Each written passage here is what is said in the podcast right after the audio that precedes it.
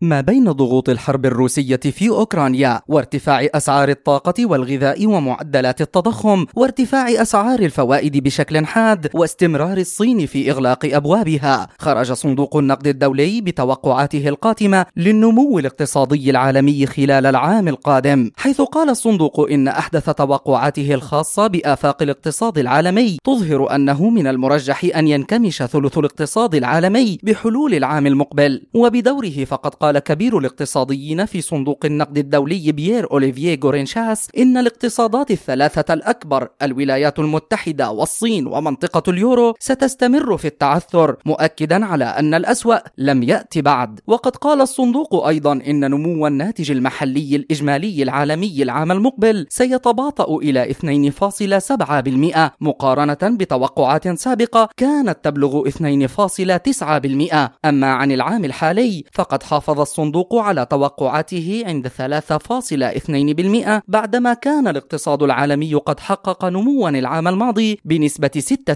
6% وعلى الرغم من انتقاد الصندوق لأداء البنوك المركزية العالمية في مكافحة التضخم عن طريق رفع الفوائد إلا أنه أكد على ضرورة أن يتم القضاء على التضخم العالمي بأسرع وقت ممكن حيث قال الصندوق إن التضخم قد يصل خلال الربع الثالث من هذا العام عند 9.5% على أن ينخفض إلى 4.7% بحلول الربع الرابع من العام القادم. أما عن النفط فقد توقع الصندوق ارتفاعه بنسبة 30% عن المستويات السعرية الحالية. وقد ختم الصندوق توقعاته للدولار مشيرا إلى أن التضخم سيؤدي إلى استمرار دفع الدولار إلى الارتفاع مشيرا إلى أن الدولار الآن يعيش أقوى مستوياته منذ أوائل القرن الحالي ليؤكد على أن قوة الدولار ستزيد من أزمة الديون لدى الدول الفقيرة وأن الاقتصاد العالمي يسير نحو ركود لا داعي له مجد النوري لشبكة أجيال الإذاعية.